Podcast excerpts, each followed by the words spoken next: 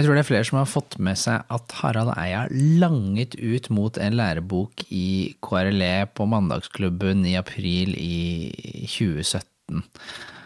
Han var morsom, men han var jo også nådeløs i sin kritikk. Men jeg tror færre fikk med seg at eh, en lærebokforfatter faktisk svarte på Harald Eias harselas, og hun skal du få møte i dag. For i dag skal det nemlig handle om lærebøker. Og lærebøker er jo ganske viktig, da, fordi forskning tyder jo på at KRLE-undervisningen sånn generelt er veldig læreboksentrert og styrt. Så, og hvis det i den grad det er sant, så bør de bøkene være litt gode da, for at undervisningen skal bli god. Og i tillegg så skal du få svar på det spørsmålet her, bare hør. Hva er de tre beste lærebøkene på barnetrinnet ifølge deg? Ifølge meg det, Rent objektivt så er jo det åpenbart. Du hører på KRLE-podden. Mitt navn er Knut Aukland. Det skal handle om eh, skole, og religion og kristendom. Jeg mener at ingen skal tvinges til å gå på skolegudstjeneste. Lærerstudentene har av kunnskap om disse evnene. Faget vil inneholde hele 50% kristendom og bare 50% vranglære. Kompetansemålene i faget. Det K-en gjør nå, er at den bare markerer at kristendommen har en særlig historie hos oss. Og det er jo sant. Den K-en kom til for tre og et halvt år siden. Den var ikke der før. Det handler først og fremst ikke om K-en. Uh, RLE-faget har jo en litt brokete historie. Abonnerer de selv på KRLE-podden som lærer? Ja, det er en selvfølgelig ting.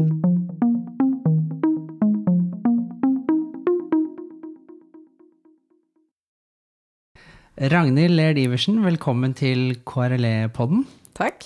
Du har jo egentlig strengt tatt vært her før, for vi har jo hatt en Rama-Jana-episode hvor du har fortalt om Rama og Sita. Men velkommen tilbake. jo, takk igjen. Um, I dag så skal vi snakke om lærebøker. Og da må vi selvfølgelig begynne med denne famøse videoen hvor Harald Eia går hardt ut. Var altså i Israel sammen med mine døtre i påsken. Og da hadde datteren min med seg denne boka her, KRLE-boka, i 10. klasse. Og så, for Hun skulle ha tentamen, så hun holdt på å lese den. Og så sa hun til meg pappa, jeg skjønner ikke hva som står her. Og så sa jeg få se på den boka, skal jeg forklare for deg. Og så Den er altså så vanskelig og krøkkete og dårlig skrevet. Jeg har ikke opplevd maken! Okay. Jeg blir helt rasende. Og dere liksom later som det er rasende pga. påskeegg. og Jeg er rasende. Skal jeg gi noen teksteksempler ja, derfra? For eksempel, så er det en sånn som jeg har tatt og printet ut i stort, så alle kan få se den. Dette er altså tatt fra denne boka her. Dette her handler om katolske kirke. Bare begynn med det. Da står det om den katolske kirke. Kirken ærer også helgener. Greit. En helgen er en person som har pekt på Gud på en spesiell måte i livet sitt. Hva betyr det?! Hva betyr det?! Betyr at pek på en spesiell pek Sånn, sånn, sånn. Jeg skjønner ingenting av det. Og så er det om Paulus. Altså Jeg er veldig opptatt av Paulus. Paulus var jo den som spredte kristendommen. ikke sant? Han reiste rundt i Middelhavet. Romerne var ute etter han for å ta han. Og han skulle spre kristendommens budskap. Det er en veldig spennende historie. Sånn, sånn introduseres Saulus Paulus i denne KRLE-boka. Ja, ganske riktig. Saulus Paulus står det først. Hvem er Saulus Paulus? Til og med jeg har begynt å si det. Men hvem er han Saulus Paulus? Greit. Paulus ble født rundt år 10 i storbyen Tarsos. Ja, hvor er det, da? Byen lå ved en gammel handelsvei fra Egypt til Efesos. Jeg er like langt! Jeg vet ikke, jeg har aldri hørt om disse byene. Og, de, og ligger i dag i Tyrkia. Å ja, den, Har den flytta til Tyrkia i dag? Jeg skjønner ingenting.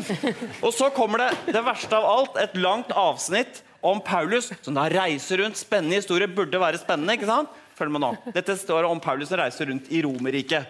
Romerriket. Romerriket er et av historiens mektigste imperier. greit. På den tida da Paulus levde, strakte Romerriket seg rundt hele Middelhavet. Jeg skjønner det, men at Romerriket eier mange land rundt Middelhavet. det er greit. Riket ble ledet av en keiser som bodde i Roma. En fyr som tilfeldigvis bodde i Roma, høres ut som, men det er greit. Da Jesus ble født, het keiseren Augustus. ok, Det var keiser Nero som hersket da Paulus reiste rundt på sine misjonsreiser. Nå er det plutselig snakk om Nero. Romerriket var delt inn i landområder eller provinser. Nå handler det plutselig om landområder eller provinser. Fylker og kommuner, hva er det med saken å gjøre? Paulus bodde i Palestina, som var en robertsprovins. Ja vel. For en kjedelig opplysning. Gresk var et verdensspråk som ble brukt i Romerriket. Nå er det plutselig snakk om gresk. Paulus snakket og skrev gresk. Ja, selvfølgelig. Alle snakket og skrev gresk! Tydeligvis! Romerne hadde steinsatt noen veier rundt i det mektige riket sitt. Hadde de steinsatt? Hadde de steinsatt noen veier? Hvorfor kommer det inn i bildet? Alle disse forholdene gjorde det mulig for Paulus å reise rundt om Alle disse! Altså Nero, Augustus, steinsatt Jeg forstår ingenting!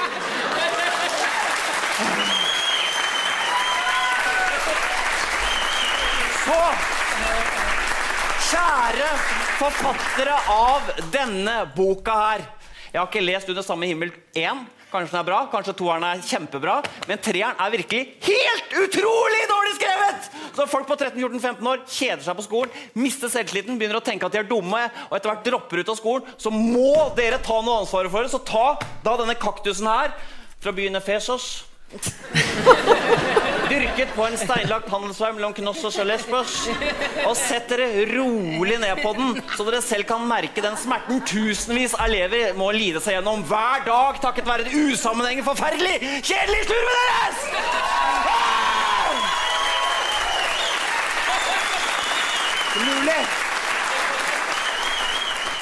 Ja, det var en uh, nådeløs uh, Harald Eia. Uh, men Ragnhild, forstår du Harald Eia forstår ikke noe av det som står i bøkene. Forstår du det som står i disse bøkene? jeg forstår jo både at Harald Eia ikke forstår det han leser der, uten noe bakgrunnskunnskap. Men jeg forstår også hva forfatterne Eller jeg tror jeg forstår hva forfatterne har tenkt på når de skrev det.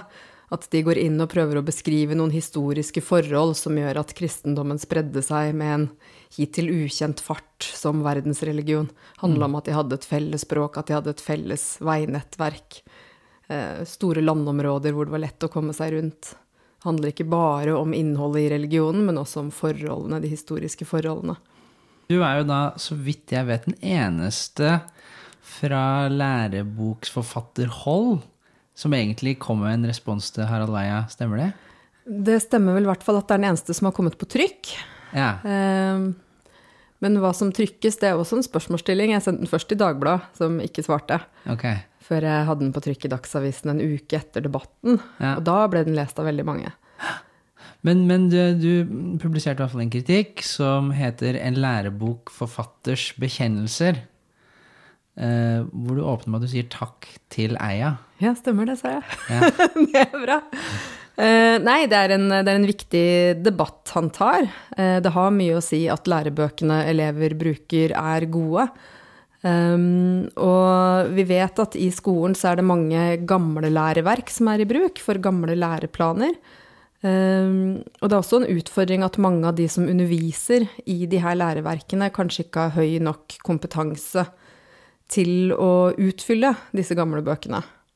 Ja, men jeg avbrøt deg tidligere, for jeg spurte deg om du syntes at Eias kritikk er berettiget. Uh, og du sier vel både ja og nei til det, kanskje, i den uh, kronikken? Uh, jeg sier at han har helt rett i at de er helt enig i at de sitatene han leser opp, er vanskelig og krøkkete skrevet. Mm. Men som lærebokforfatter så ser jeg jo denne kaktusen komme faretruende nær meg selv. og kommer med noen innspill om hvorfor disse bøkene kanskje ikke har den kvaliteten man som elev eller lærer eller forelder skulle ønske at de hadde. Og det handler om flere forhold. For det første at eller for det første og det aller største mener jeg er læreplanen i seg selv, som er voldsomt ambisiøs og omfattende. Ja. Jeg tror de færreste foreldre vil være i stand til å svare på en test som skal måle om de kan det de skal i henhold til kompetansemålene etter syvende trinn, f.eks. Ja, hvis jeg skal være helt ærlig, så er jeg ikke sikker på om jeg heller ville greid å stå på alle kompetansemålene. Nei, ikke sant? Det går både i bredden og dybden og vidden og veldig mange retninger. Det er kjempeomfattende for et ganske lite fag. Um, så det er den største utfordringen. Hvordan er det i det hele tatt mulig å lære noen alt dette her i løpet av så kort tid, uavhengig av hva slags læringsressurser man har tilgjengelig? Mm. Ja, for det er da altså sånn at det er bestemt i læreplanen hva elevene skal kunne etter ulike trinn. Ja. Det står listet opp i sånne bullet points hvilken kunnskap elevene skal ha. Det stemmer. Og du nevner da i den kronikken så sier du at etter knappe 153 undervisningstimer fordelt over tre år, så skal en tiendeklassing og det er det, Du nevner bare noen, da, men en tiendeklassing skal da blant annet kunne nå siterer jeg da, gjøre rede for viktige hendelser i kristendommens historie fra reformasjonen til vår tid i Norge og i verden, og for kristendommens stilling i dag. Forklare hovedtrekk ved romersk-katolsk, ortodoks og protestantisk kristendomstradisjon.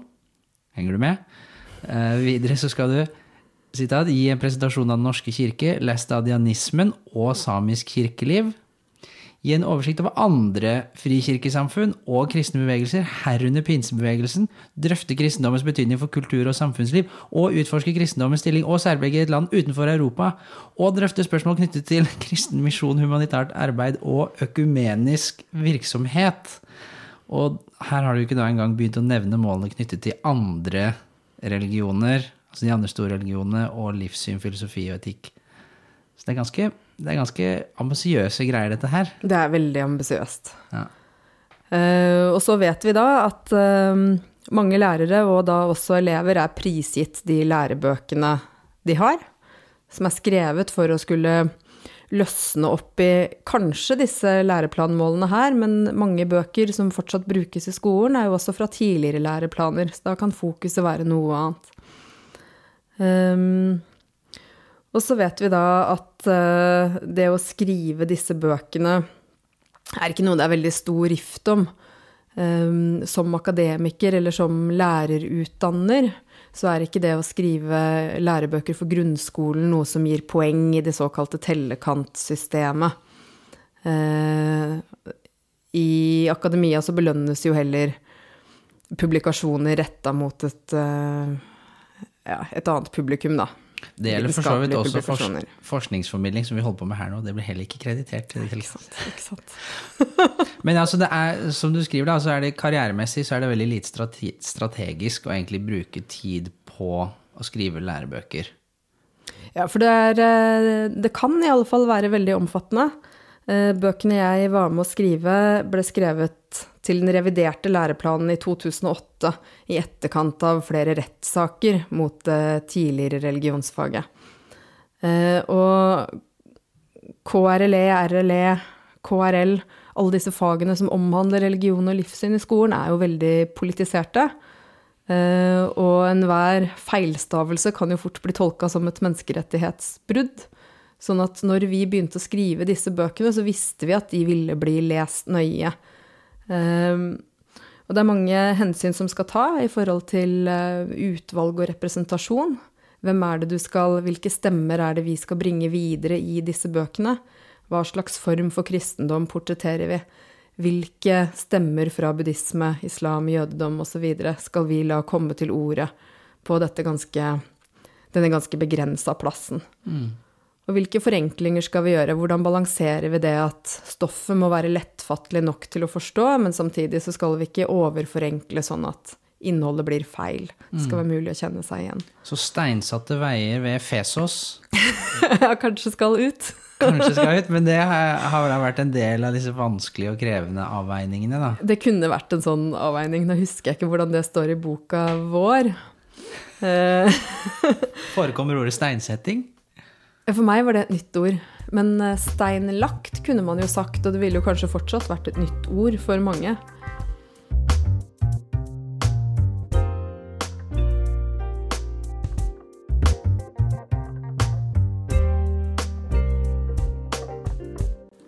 Etter jeg hadde denne samtalen med Ragnhild, så fant jeg et annet klipp med Harald Eia, hvor han diskuterte skolepolitikk med noen kjente rikspolitikere. Og da hadde han faktisk lest kronikken til Ragnhild, og han leste opp noen sitater fra den, og du kan høre hva slags respons han fikk fra publikum. Det var en uh, lærebokforfatter uh, som skrev en uh, kronikk i, i, Dagsavisen, Ragnhild Laird Iversen, og hun skrev da følgende Den første og største utfordringen ligger i læreplanen.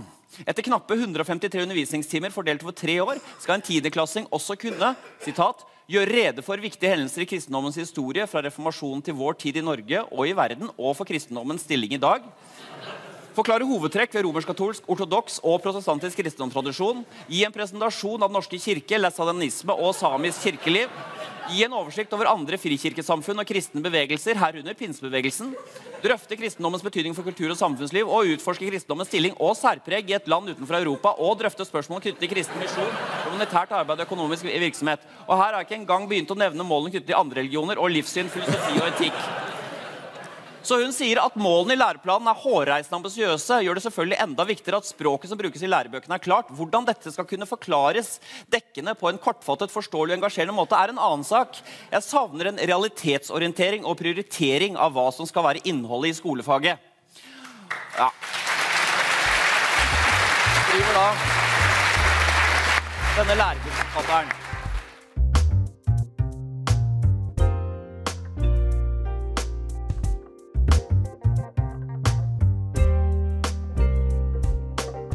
Men det som er jo litt interessant i den kronikken, det er jo at du skriver jo at du i utgangspunktet så skjønner du Harald Eia, fordi for uh, ti år siden så satt du selv og hisset deg oppover lærebøkene i faget som den gangen het KRL. Ja, er vi uh, som student, så um, satt jeg mye i kantina med medstudenter, hvorav en hadde grunnskolelærerutdanning og vikarierte en del i skolen. Hun skrev også en masteroppgave om KRL-faget. Så vi så på dette, syntes det var latterlig dårlig, lo litt av det og mente at dette kunne vi helt klart gjøre bedre selv. Eh, det vi kanskje ikke hadde tenkt på, var at vi faktisk skulle gjøre det selv. Og da ble jo situasjonen ikke overraskende ganske annerledes. For det er ofte mye lettere å være kritisk enn å komme med et konkret alternativ. Så det viste seg å være mye jobb. Jeg tror det ble bedre, det tror jeg. Men det lå mye arbeid og mange vanskelige avveininger bak. Og så er det fortsatt ting som kunne vært gjort annerledes. Gitt mer tid og ressurser og mm. Men så du har vært med å skrive Samlagets Inn i livet? Inn i livet.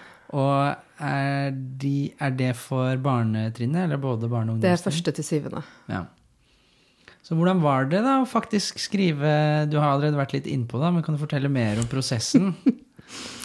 ja, vi var um, Skrev da Hvor mange bøker ble det? Det var én bok til hvert trinn, og på de laveste trinnene var det både elevbok og, som elevene skulle skrive i, og lærerressurs. Nei, lærerressurs på alle trinn. Så 14 bøker, to CD-er og et nettsted utarbeida vi. Eh, og i det arbeidet var vi åtte forfattere, fem illustratører, fire redaktører og flere formgivere. Eh, så en rekke folk som var involvert, i tillegg til at vi, flere av oss var og gjorde ganske omfattende feltarbeid. Eh, mitt hovedansvarsområde det var hinduisme og buddhisme gjennom alle trinnene. Og da besøkte jeg de aller fleste buddhistiske templene på østlandsområdet. Eh, tre av hindutemplene. Eh, en kulturskole. Og inviterte meg selv hjem til flere familier og møtte opp på noen festivaler.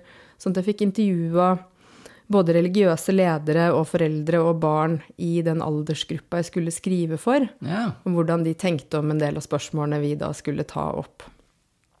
Så det var veldig, veldig interessant. Mm. Det, er ganske, det, er ganske, mye research. Da. Det er ikke bare å lese det opp. Du har vært ute og gjort feltarbeid.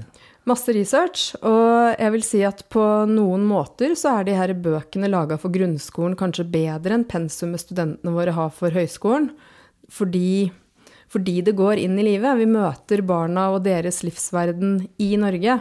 Det er norsk hinduisme vi skriver om først og fremst, ikke denne mer abstrakte størrelsen fra kanskje Nord-India. Så vi har, med, vi har med den tamilske ommen når vi intervjuer, eh, intervjuer, de tamilske barna. Vi har bilder fra de norske templene. Eh, beskriver norske høytidsfeiringer tilknytta de ulike religionene. Men så er det klart at det er jo på et veldig abstrahert nivå, da. Vi har måttet gjøre mange forenklinger og eh, skjært bort mye. Men jeg lærte kjempemasse av det området.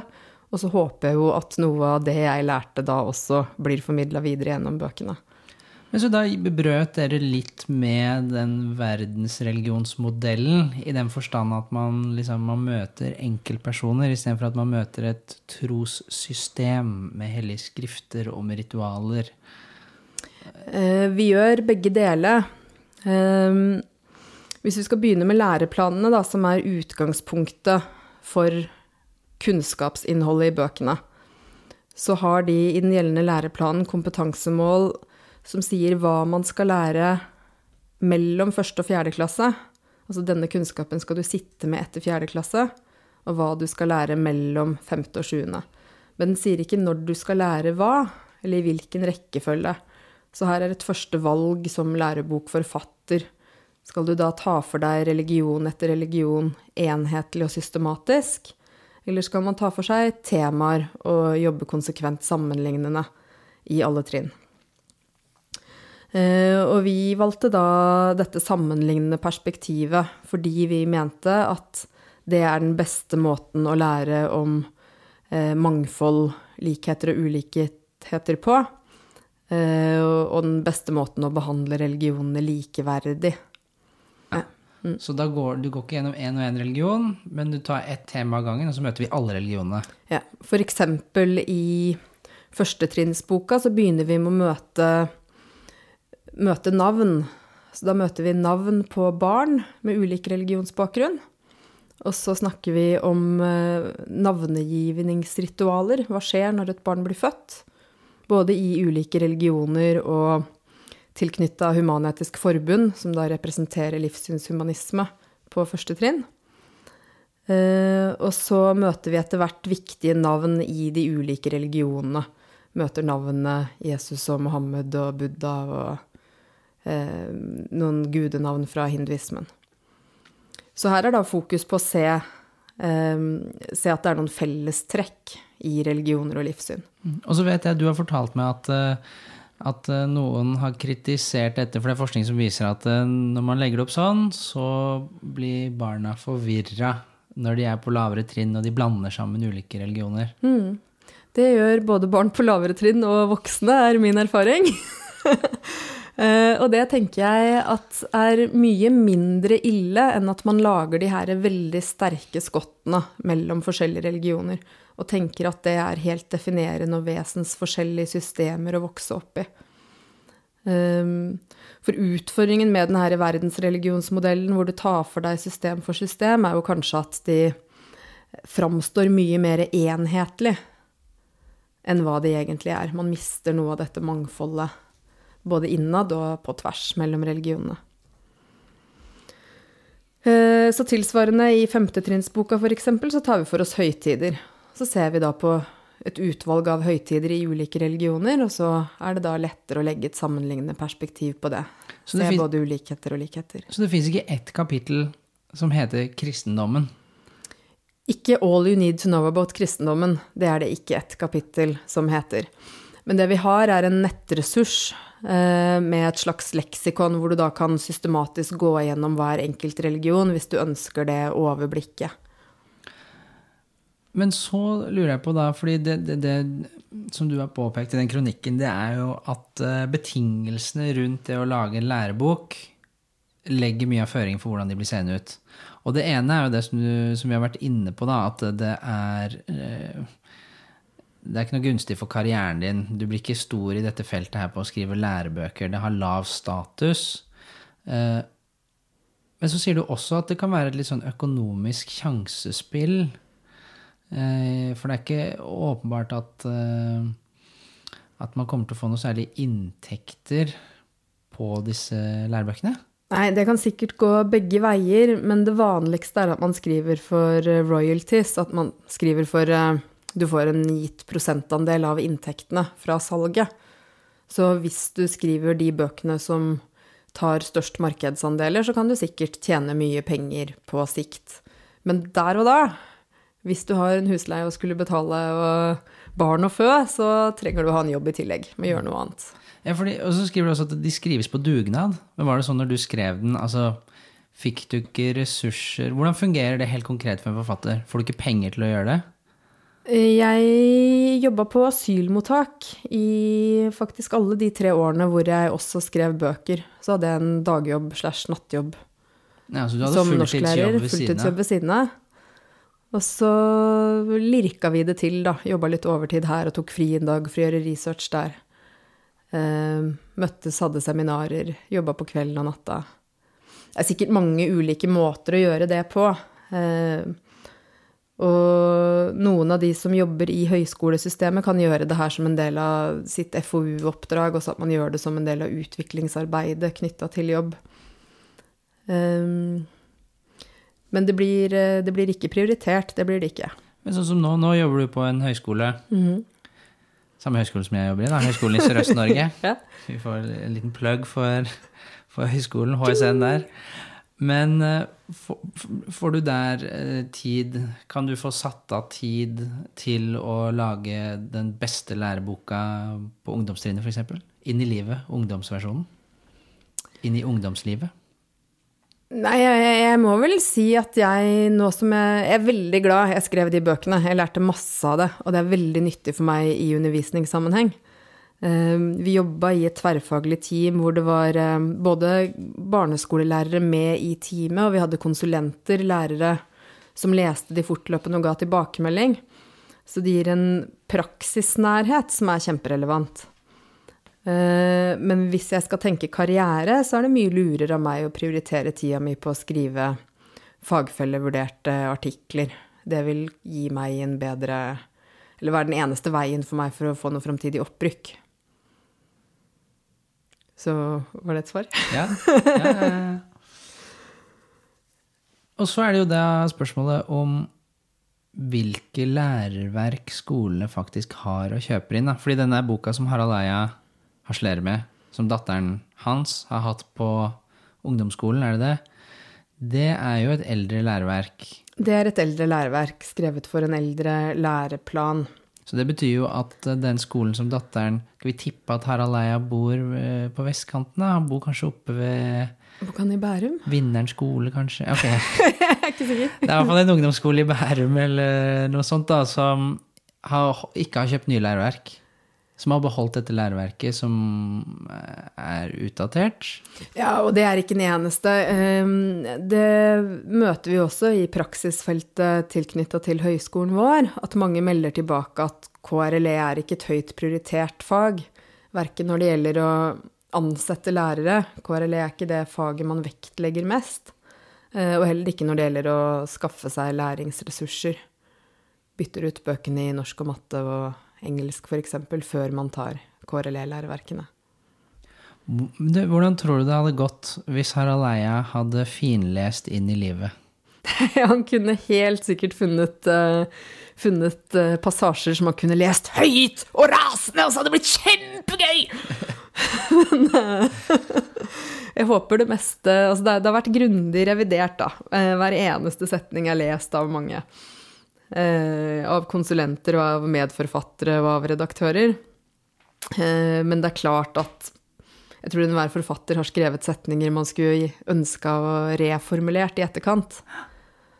Og bøkene, som mye annen tekst, er jo skrevet under tidspress. Det var deadliner for når bøkene skulle være ferdige, når skulle de trykk. Så ja. Men så hvis vi forsøker å oppsummere, da. øh, Hvis Harald Eia hører på nå, så er det da Du peker på en rekke omstendigheter rundt en, altså produ selve produksjonen av lærebøkene. En del handler om læreplanene og disse sinnssykt ambisiøse kompetansemålene. Man skal trøkke utrolig mye inn i disse bøkene. Mhm. Og så er det bare én time i uka man har det. Mhm. Kanskje. Kanskje mindre òg. Og så er det dette med at lærebokskriving eh, det har veldig Det, har, det er ikke mm, noe karrieremessig lurt å fokusere på det. Man får ikke noe anerkjennelse for å skrive det i akademia. Det er nedprioritert. Og så har vi i tillegg til det at eh, skolene nedprioriterer og kanskje ikke kjøper nye læreverk. Ja, og så er det kanskje et element til, og det er at teksten i elevboka er jo ikke det eneste elementet i en læringsprosess. Ehm, særlig på de lavere trinnene så vil jo ikke elevene kunne basere all læringa si på det de leser selv. Ehm, så i våre bøker så ligger det veldig mye arbeid bak utvelgelsen av bilder og tegning av illustrasjoner. Og så fins det da en egen bok for læreren med bakgrunnsmateriale som handler om hva læreren er nødt til å utfylle her muntlig for at eleven skal få den kunnskapen han eller hun trenger. Og det gjelder også på de høyere trinnene, selv om det er aller, aller mest fortetta på de lave trinnene.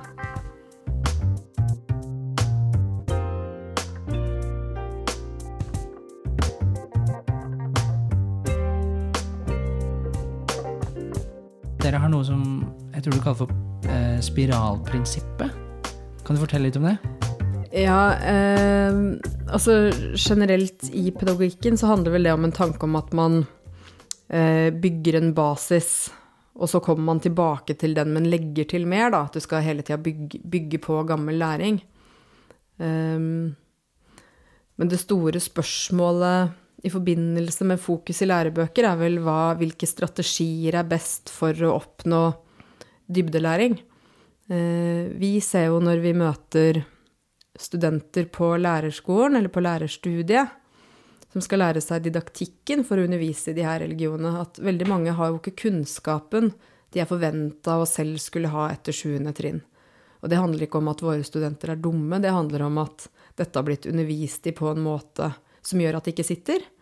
Eh, eller at um, kanskje de ikke har blitt undervist i, eller at det har vært altfor mye, da. Det, det, du, det du sier nå, er at lærerstudenter ikke har den kunnskapen som læreplanene legger opp til at syvendeklassinger skal ha. Ja, og det gjelder ikke bare lærerstudenter. Ta den quizen på en hvilken som helst arbeidsplass, og så lover jeg at det kommer til å gå dårlig. det, er, det, er, svært spesialisert kunnskap, veldig mange begreper som forventes at barneskoleelever skal ha, som voksne ikke behersker selv. Det handler jo også litt om at det er, det er et fag som har endra seg veldig, veldig mye. Eh, regler i norsk grammatikk har ikke blitt vesensforskjellig siden jeg gikk på skole på 80-tallet.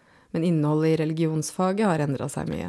Men da vil jeg kanskje tenke at uh, denne litt mer trauste verdensreligionsmodellen ville jo egentlig vært god for å lære sånne begreper og fakta. Fordi du blir jo repetert. Hvert år blir jo en repetisjon. Det samme igjen og igjen. Til slutt så vil det jo sitte, da. Men hvis, hvis du har spiral, så lærer du om noe grunnleggende om uh, Siddhartha, Gautama og Buddha på fjerde trinnet, og så skal du bygge på det oppover. Men så fikk du ikke med deg det, da, så har du falt av den spiralen, og da faller du ned spiralen. Det er jo et spørsmål om hva man tenker er det aller viktigste å lære også. Er det disse ulike begrepene? Eller er det noe mer generelt om religion som fenomen, om religion sin plass i samfunnet, om religions betydning i individers liv? Fellestrekk der, eller er det disse religionsspesifikke navn på tekster, f.eks. Oppramsing av leveregler. Ja, pugging, er det ikke, det, er det ikke derfor vi er her? Nei, man, man, trenger grunnleggende kunnskaper for å få forståelse. Det er jo første steg til dybde. Altså, du kommer ikke til dybdelæring uten overflatelæring. Du må, du må lære deg grunnleggende begreper også. Eh, men når det gjelder det her spørsmålet om, om, om det bare forvirrer og møter så mye, da, så tenker jeg at hvordan man tilnærmer seg det, avhenger litt av hvordan man ser på formålet med faget. Hva er poenget med å lære om religioner og livssyn? Du bruker dette begrepet dybdelæring. Eh, hva er det for noe, og har det noe med læreplanen og disse ambisiøse målene å gjøre?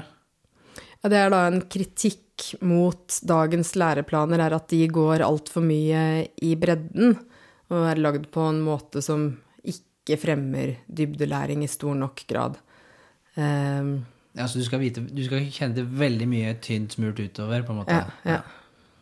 Og det er liksom så mange Jeg har hørt at det er flere kompetansemål i KRLE enn det er i norsk. Er det mulig? Ja, det er jo veldig spesielt. Ja, Er det sant? Det, jeg vet ikke hvordan norskfaget ser ut, jeg. Okay. så det kan jeg ikke svare på.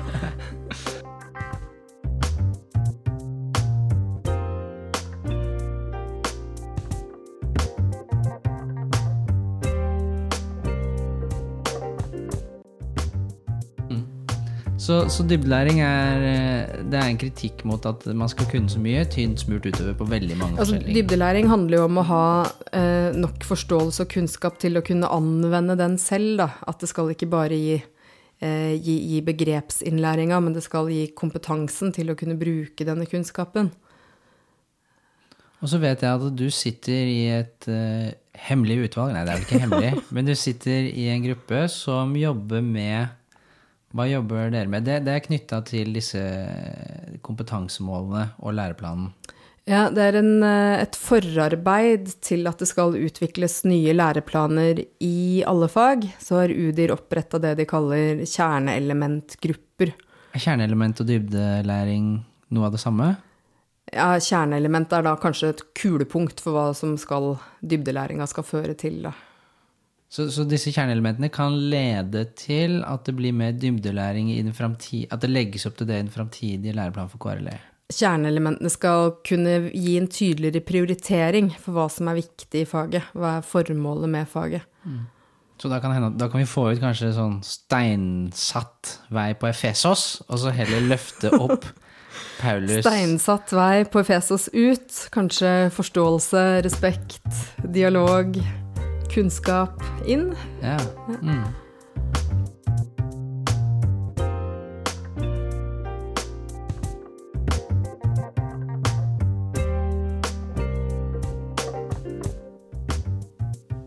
Hva er de tre beste lærebøkene på barnetrinnet ifølge deg?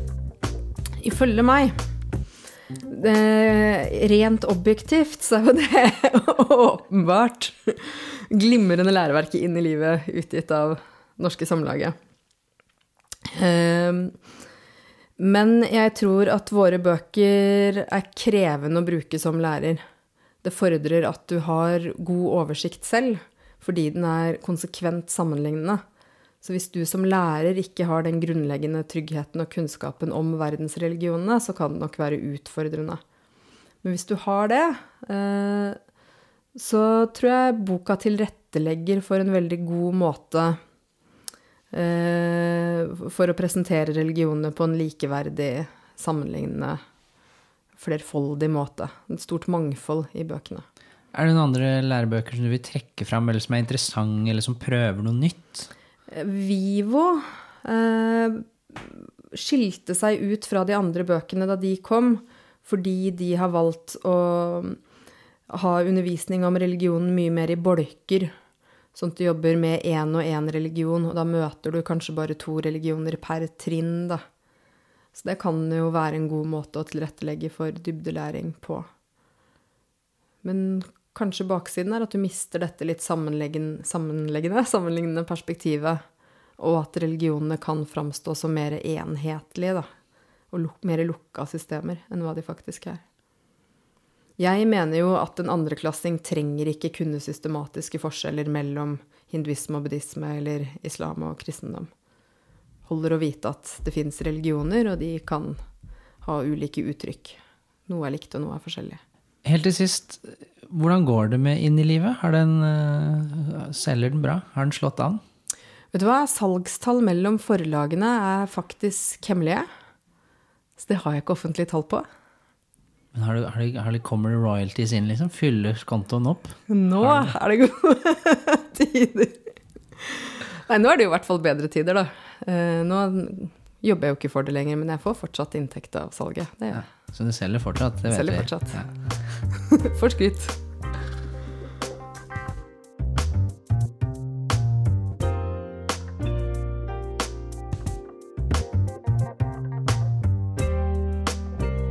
Takk til Ragnhild Laird Iversen. Og hvis du eller din skole er på utkikk etter godt læreverk, og det gjelder også deg, Harald Eia, hvis du hører på, så kan du sjekke ut Inn i livet. Innledningsvis så hørte vi 'Sulten' av Arif, og bakgrunnsmusikken har vært av Lee Rosevere. Jeg må si, Sjøl så har jeg hatt mye vekslende erfaring med læreverk. Det er vanskelig å skrive en god lærebok, egentlig, fordi jeg tror det er mange studenter som har kjent på den derre følelsen Jeg forstår ingenting! Mitt navn er Knut Aukland. Vi snakkes.